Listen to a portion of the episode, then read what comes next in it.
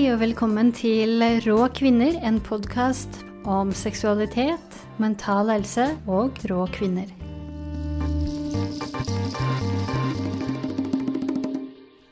Hei og god påske til alle sammen. Mitt navn er Elise Ain, og i dag har jeg med meg kunstner Tuva Hennum i studio. Hun er scenekunstner og skuespiller, og skriver og spiller i sine egne produksjoner. Og det som gjorde meg nysgjerrig på hennes kunstnerskap, er at hun bruker det kvinnelige perspektivet aktivt i kunsten hennes. Og ofte er det tabubelagte temaer som overgrep, vold og psykisk helse, men også morsrollen som blir tatt opp til undring og diskusjon. Så da ønsker jeg deg en god lytting. Hei og velkommen, Tuva Hennum. Hei. Takk for at jeg kan komme. Jo, eh, bare hyggelig. Kan ikke du begynne med å fortelle litt eh, hvem du er, og hva du driver med? Mm, jeg er film- og scenekunstner. Jeg har jobbet med det mm, elleve år, i hvert fall. Skriver eh, selv. Mm, jeg har endelig skjønt hva det er jeg egentlig holder på med, og det er jo litt gøy. etter, å, etter, å, ha jobbet med mange, mange prosjekter lenge. Og det er at jeg prøver å lage en ny form for dramaturgi. Der hvor jeg tar, skal ta vekk dramaturgien i selve stykket og jobbe med temaet isteden. Så jeg skal jobbe for at tema skal få hele den, den dramaturgien, da. Sånn at jeg kan Hvis jeg velger meg et tema, så kan jeg vise det på mange forskjellige måter. Så kan jeg både jobbe for å skrive en tekst som kan være en litterær tekst. Jeg kan lage en film, jeg kan lage teaterstykker i større eller mindre grader. Som egentlig kun er med på selve dramaturgien i det hele, da. For å dra ut spennet. Fordi jeg føler at den dramaturgien som går i hvert stykke, har en eller annen form for maskulinitet over seg. Um, og en sånn oppbygning som jeg ikke tror på. Og som jeg tror vi kan tillate oss å bli ferdig med på et vis. Uh, fordi det kan få lov å komme uventet, da. Du kan sitte på en kafé og se en lapp hengende under bordet, og den kan for deg være høydepunktet før du egentlig kommer og ser forestillingen, ikke sant? Eller høydepunktet for deg kan være tittelen, fordi du snakker om den sammen med noen etterpå. Så det handler hele tiden om å prøve å få publikum til å kommunisere rundt budskapet, da. Mm. Og det skal være høydepunktet. Om man klarer. Ja, det er et veldig Skjønner du hva jeg mener? Ja, jeg skjønner. Jeg oversetter det litt som i essayform, men det kan også være samtaleform. Altså at det, det, I min verden så, så, varierer det mellom mediene jeg bruker for å snakke om eh, kvinner og seksualitet. Så jeg kan skrive, det kan være essayform, det kan være altså, ulike måter å uttrykke det på, og så er det podkast. Og da kommer det opp i samtaler. Eh, og kanskje det, er, kanskje det, er, også det med at man ønsker å formidle noe som kan være både relasjonell og kommunikativ. At det er det som driver ja, deg. Helt klart. Ja. Mm. For å Fordi det store og det hele handler om å forløse en arvesynd. Og for å forløse arvesynden, så må man tørre å ta tak i den, da. Og da må man tørre å ta tak i de temaene som man ser at går igjen og igjen og igjen i generasjoner som vi aldri blir kvitt. Men for å skulle forløse det, så må jo publikum være de som snakker med hverandre. Det holder ikke at de bare ser noe eller Eller jo, det kan være akkurat det som også holder. Men altså, man, hvordan er det man skal få dem til å snakke sammen, da? Er det Ja er det forestillingen, eller er det filmen, eller er det hva som helst? Men alle mulige måter man kan prøve å få dem til å snakke, da. Mm. Er målet. Ja. Og så får man se om man klarer det, da. mm. Og hva, er, eh, hva tenker du er arvesynden? Mm, det er jo mye, da. Det er jo det vi bærer med oss som vi kan se i familier at vi ikke blir kvitt. Altså det kan være um, overgrep, uh, vold, uh, penger uh, Psykisk sykdom. Altså det kan være Eller det å ikke tørre å snakke. og det er jo forskjellig fra familier til familie, men jeg tror alle vil kjenne igjen noen deler ved liksom sin historie som de ser at Oi, hvorfor blir man aldri kvitt dette her, da? Hvorfor, hvorfor skjer det gang på gang Ja. Uten at vi kommer oss videre. Og så får man jo håpe at ved å gjøre det, så slipper barna mine eller neste generasjon kan få slippe noe av det, da. Mye å ta på seg, da. Men man kan jo gjøre et forsøk. Ja, jeg er helt enig. Gjør et forsøk. ja. Du skrev nå i nylig en eh, tekst til kvinnemagasinet Altså. At uh, du har ofret alt for kunsten. Og i den teksten mm. så er det jo mye tematikk som går på fattigdom. Hva er det mm. som er viktig med den teksten, og hvorfor har du skrevet den? Det er jo fordi jeg ser at vi ikke er villige til å betale for kunsten, da. Man, ikke, man legger ikke nok penger i det. Um, jeg tror det er to grunner til det. Jeg tror det har både med at, um, med at uh, det er politisk. At man ikke vil at de skal snakkes høyt. Og jeg tror at det er deilig å stoppe det nå, f.eks. Jeg tror det er skummelt med kunst nå i en pandemi fordi man vil ikke at de skal stille spørsmålstegn ved det som skjer. Man vil ikke ha noe Man vil bare følge eh, politikerne som en sånn saueflokk. Så det blir utrolig forstyrrende hvis man kommer på en scene og sier noe som er motstridende, da. Så det er kjempeskummelt. Eh, og så eh, tror jeg at eh, Ja, at, at, man Kunstnere har en sånn egen driv òg. Sånn at man vet at de lager kunst uansett om de får betalt for det eller ikke. Så det er ikke så viktig, da. Så det er sånn, ja ja, men selv om jeg ikke gir deg noe penger, så kommer du til å fortsette uansett. Og ja, det stemmer jo, men det, det betyr ikke at det ikke har en sykt viktig verdi, da. Og den viktige verdien må, må publikum også å skjønne, på et vis. Og se. Og, og, og politikerne også, ikke minst, da.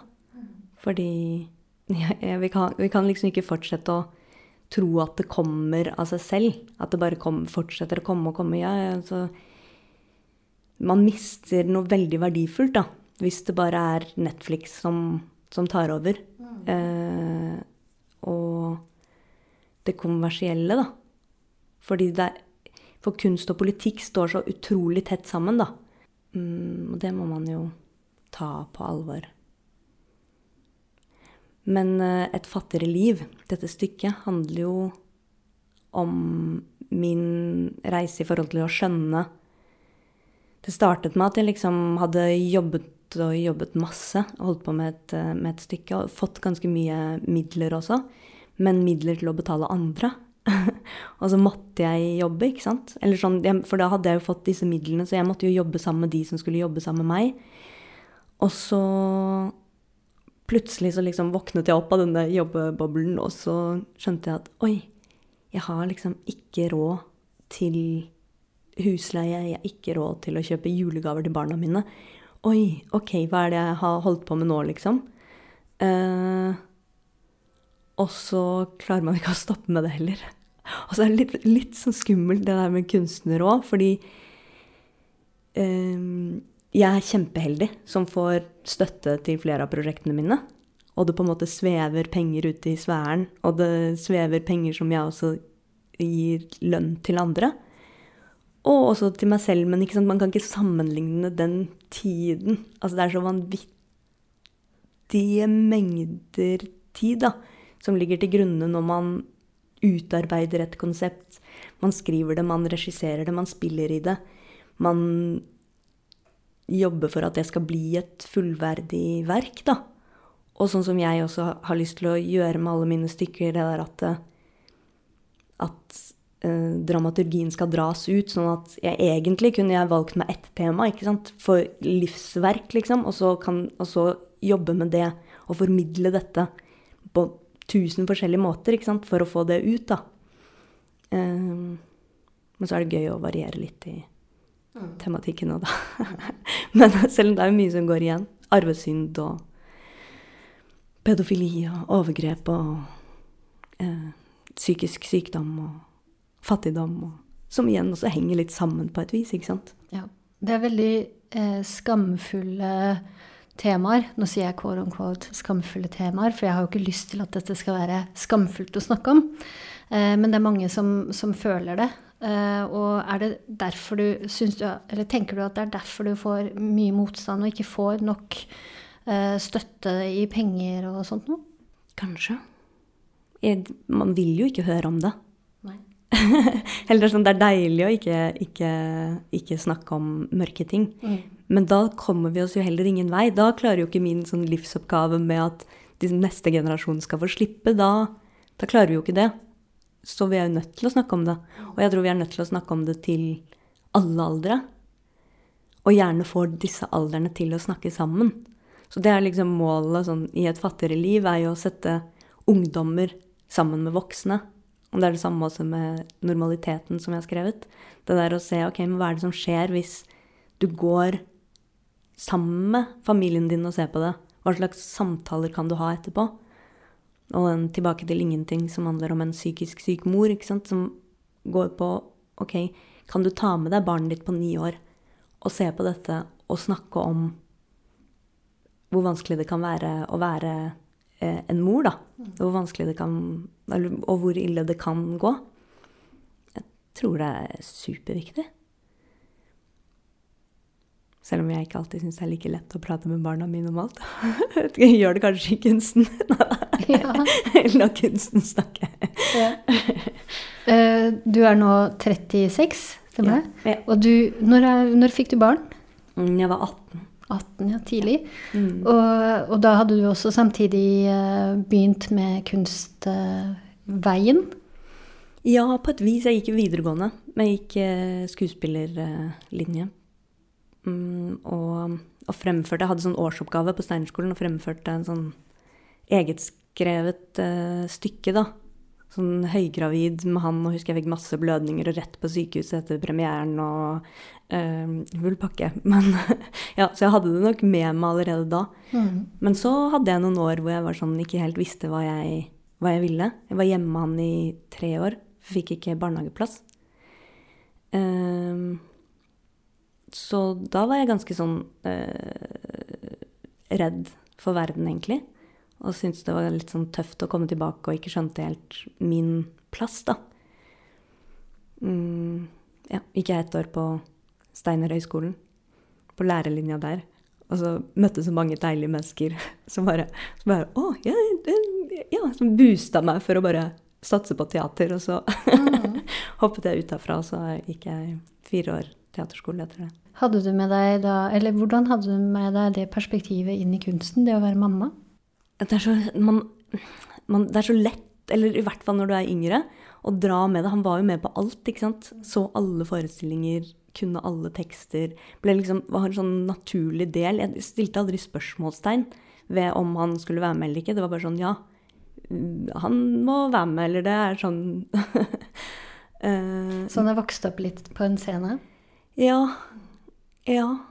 Men også at jeg sikkert tok litt mye plass, på et vis. Eller også mye plass i det å ikke skjønne helt hvor jeg skal gå, og jobbe, jobbe masse for noe som jeg kanskje inni meg skjønte hvor skulle, men ikke utenpå. Eller sånn der. Så det er mye jobb for veldig lite penger og veldig sånn, sånn kavende på et vis, da. Som helt garantert har preget han.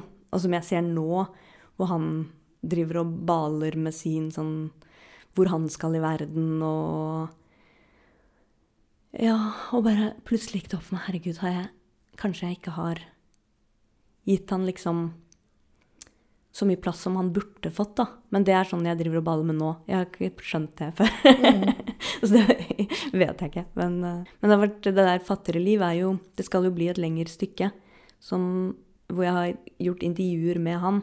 Hvordan hans opplevelser av å ha meg som mor, da. Hvordan det har vært å, å vokse opp med meg. Uh, samtidig som jeg også har intervjuet andre, andre mødre og deres ungdommer, da. Så det skal liksom slås sammen med de der kunstnermødrene som liksom kjemper for kunsten for enhver pris, og disse ungdommene deres som ikke har bedt om det, da, og som ikke på en måte har tatt det valget med alt for kunsten. De er jo på en måte bare kastet med på den bølgen, og så må de bare ta det. Mm. Det intervjuet har du allerede gjort. Ja. Har du da noen, i noen korte trekk eh, hva er det han mener om det? Han sier egentlig overraskende mye hyggelig Uh, men det kommer, det kommer, mest av alt inn sånn Ja, jeg hadde jo lyst en gang til å jobbe med kunst, men det skal jeg aldri gjøre. Det, jeg, altså det, det, er det ikke verdt. og det ser man liksom på flere av disse ungdommene, at de er veldig sånn støttende på et vis på liksom sine foreldres vegne, men allikevel helt sånn Det er det siste i verden. Altså Det ville jeg aldri utsatt barna mine for. Jeg kommer til å tenke på en jeg kjenner som En jeg begynner å bli kjent med nå, som uh, sa det at som kunstner så må du ha tatt inn over deg smerten og være venn med smerten, eller like smerten. Og så tenkte jeg ja, det er jo en typisk klisjé, ikke sant, at, eh, at uh, kunstneren skal være ha det vondt. Og så sa jeg jo det at det er jo ikke min drivkraft i min kunst, det er vel heller gleden. Så sa han jo, men for å, være, for å holde ut med å være kunstner og på en måte være litt utenfor samfunnet og hele tiden bryte vei der det ikke er noe vei, så må du faktisk også kunne klare å, å på en måte um, bearbeide smerten, eller ha den smerten der, da, av å føle at man er ensom. Ja, ikke sant. Hva kommer først?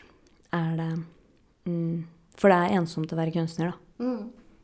Men jeg vet ikke om det må vet, Nei, det er vanskelig å si. Ja. Og man må ha en smerte. Jeg tror ikke nødvendigvis det. Her kommer hva som er terapi og hva som er kunst. Da. Og på en måte så går de litt uh, hånd i hånd. Mm. Og man også lager kunst kanskje for en, en, terapeutisk grunn for seg selv, men det også er med på å gjøre det terapeutisk for andre, da. Så jeg ser ikke på det som noe galt heller, på et vis. Eller jeg tenkte liksom ofte før at jeg må passe meg for å ikke bli sånn terapeutisk Liksom lage sånn terapeutisk grøt man liksom baler i. Men jeg tror egentlig det har en, en god kraft for andre òg, da. Ja, det går vel begge veier, så lenge man klarer å formidle det man ønsker å formidle. Eh, jeg kjenner meg inn i en prosess hvor det fort kan bli litt rotete hva det egentlig ønsker å si her. og er dette for meg, eller er dette for andre? Mm. Men, uh, men, in the end så betyr jo ikke det så mye om, om jeg var der i en prosess. fordi jeg kommer jo ut på holdt jeg på si, den andre siden, sånn som nå du har gjort i, etter elleve år, og forstår litt hva jeg driver med. ikke sant?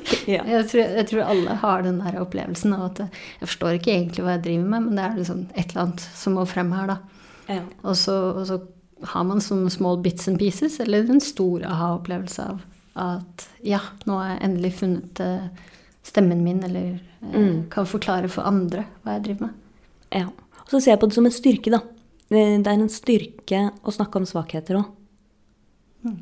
Å tørre å, å, belyse noe, ikke i form av å liksom skulle gjøre seg til noe offer, men for å fortelle hvordan ting kan være.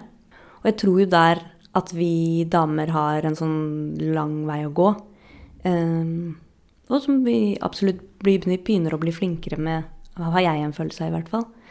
Um, men det der å snakke sammen, da, og og være ærlige på ting som skjer i livet fordi Ikke sant Av, ja, sånne vonde ting òg, da. Fordi man må ha en sånn større mur må bygge opp et sånt reisverk med hverandre, liksom, sånn at vi kan tørre å si nei. Mm. Og tørre å si hva som er greit og ikke er greit. Og støtte hverandre, da.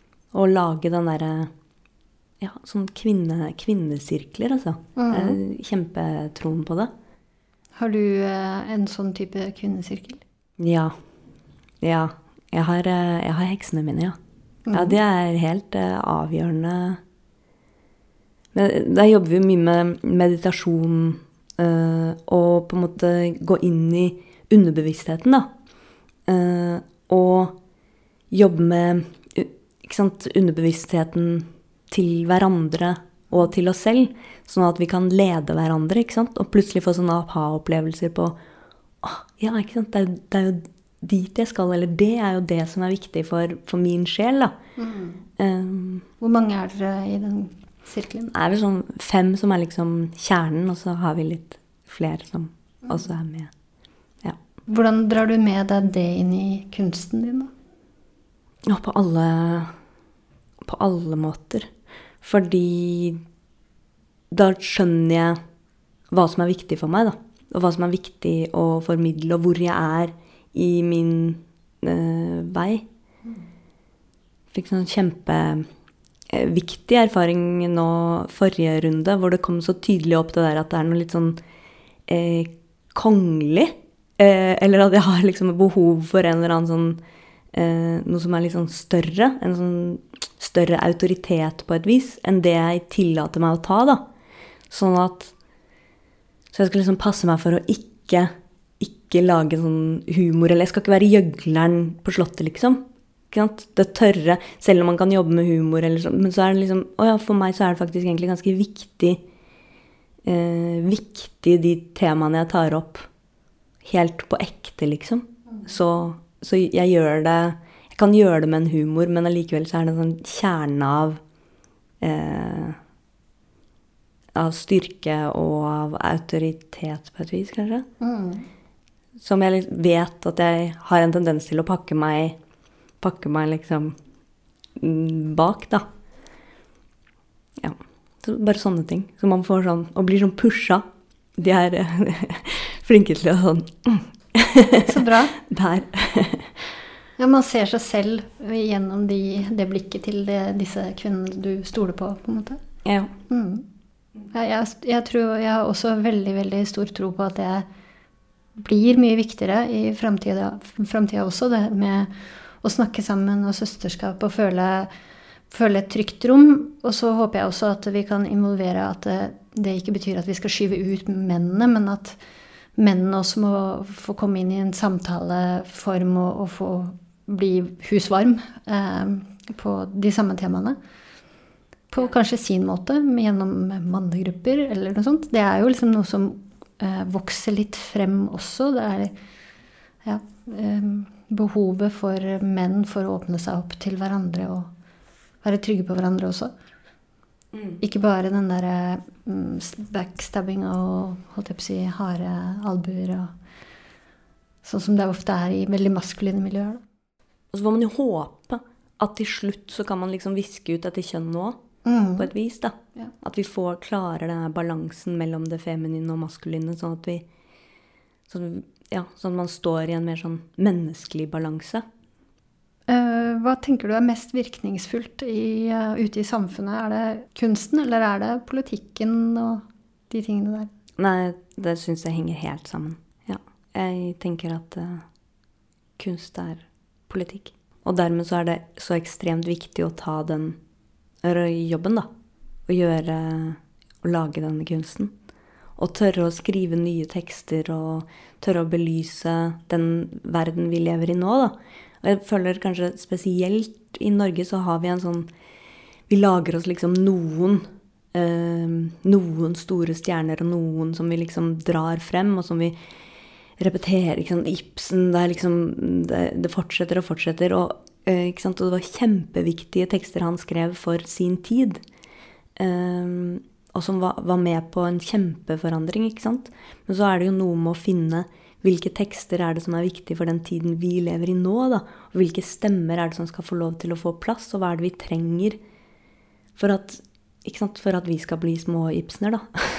eller, eller sånn at det skal komme nye, nye inn for å, ja, for å belyse der vi er.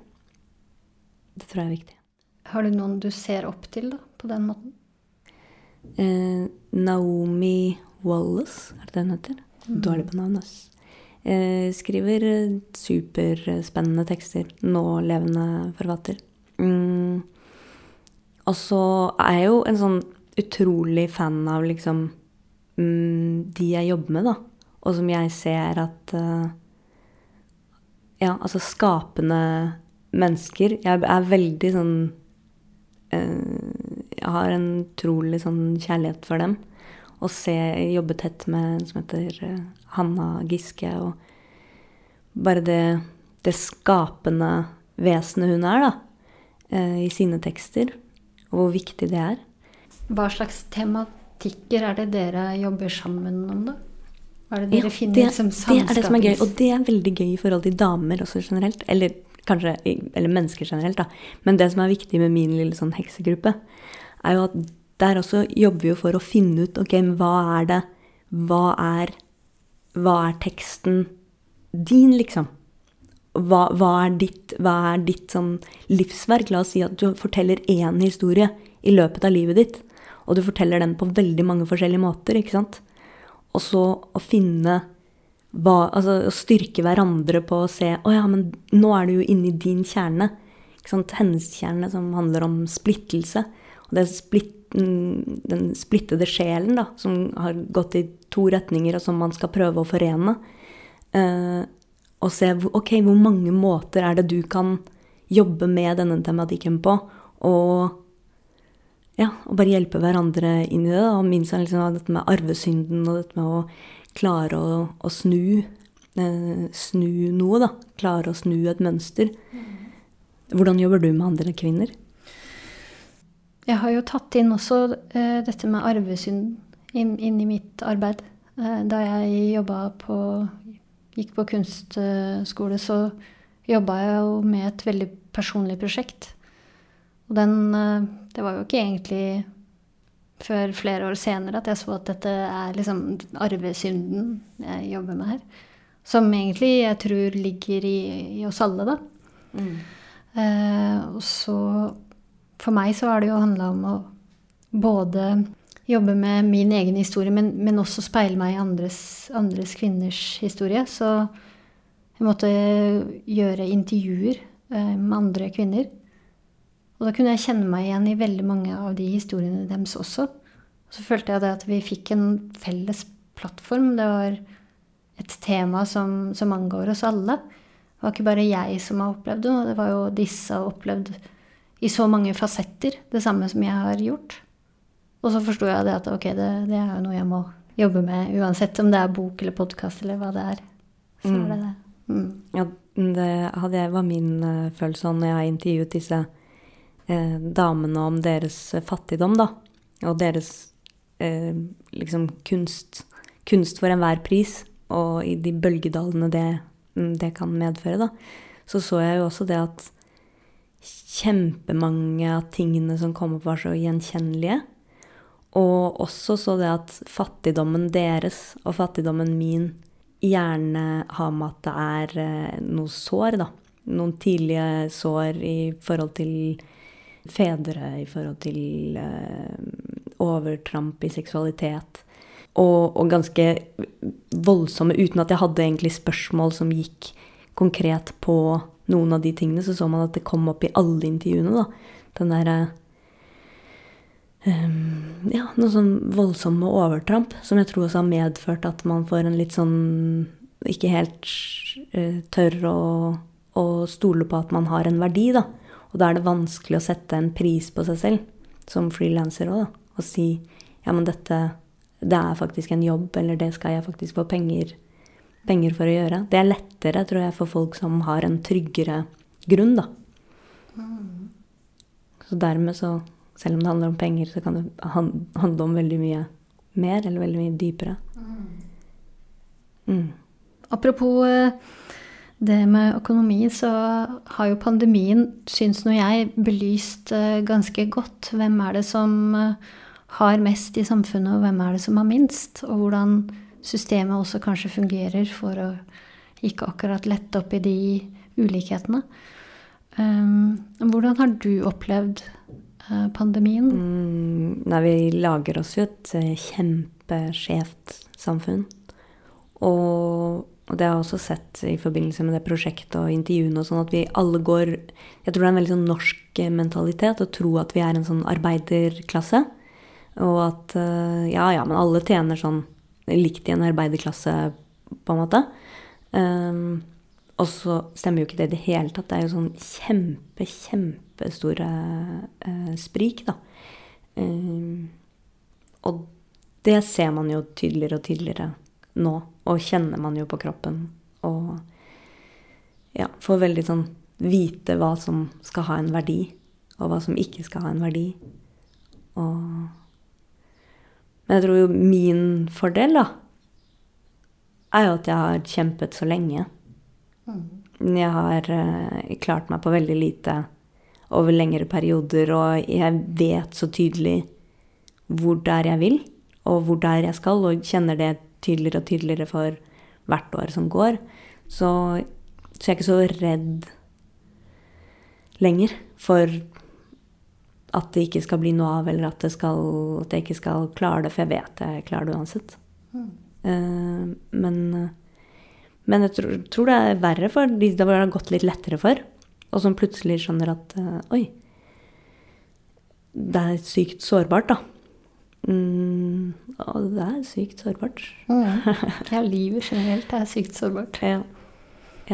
Jeg, tenker også at vi, vi, lærer oss jo å leve med en uforutsigbarhet i den perioden her. Både når det kommer til restriksjoner, så er det hele tiden uforutsigbart. Men også sånn økonomisk, og hva skal jeg gjøre nå, hva skal jeg gjøre neste år? Det å lære seg å leve med at uh, livet er uforutsigbart, det er ganske vanskelig. Ja, jeg vet ikke hvor jeg skal bo jeg, om ti dager. Skal du, skal du flytte ut fra Ja, vi skal selge. Ja. Eller kjæresten min skal selge. Så, så ja, livet er eh, fullt av spenningsmomenter. Kjøpe, selge? Nei, kjøpe og leie? Ja, eller nå skal vi leie litt først, da. Så skal vi se om vi får kjøpt noe etter hvert. Det blir jo spennende å se. To sånne frilansere mm. med masse barn.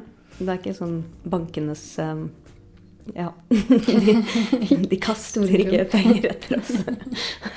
Nei, men uh, jeg håper at dere fikser det. Men hvorfor er det kunsten du må uh, drive med? Vi prøver jo å finne ord til de ordløse, da. Mm. Uh, ja. Føler at det er en viktig oppgave. Mm. Mm, ja, jeg tror kanskje nesten noe av det viktigste. Så det er vel det at jeg har en, sånn, jeg har en så sterk overbevisning om at kunst er noe av det viktigste da, for folk. Så da klarer jeg ikke å la være. Mm. Mm. Jeg syns vi skal avslutte der, for det var ganske fine ord. ja, det var fint. Mm. Fin prat. Ja, tusen takk skal du ha. takk skal du ha.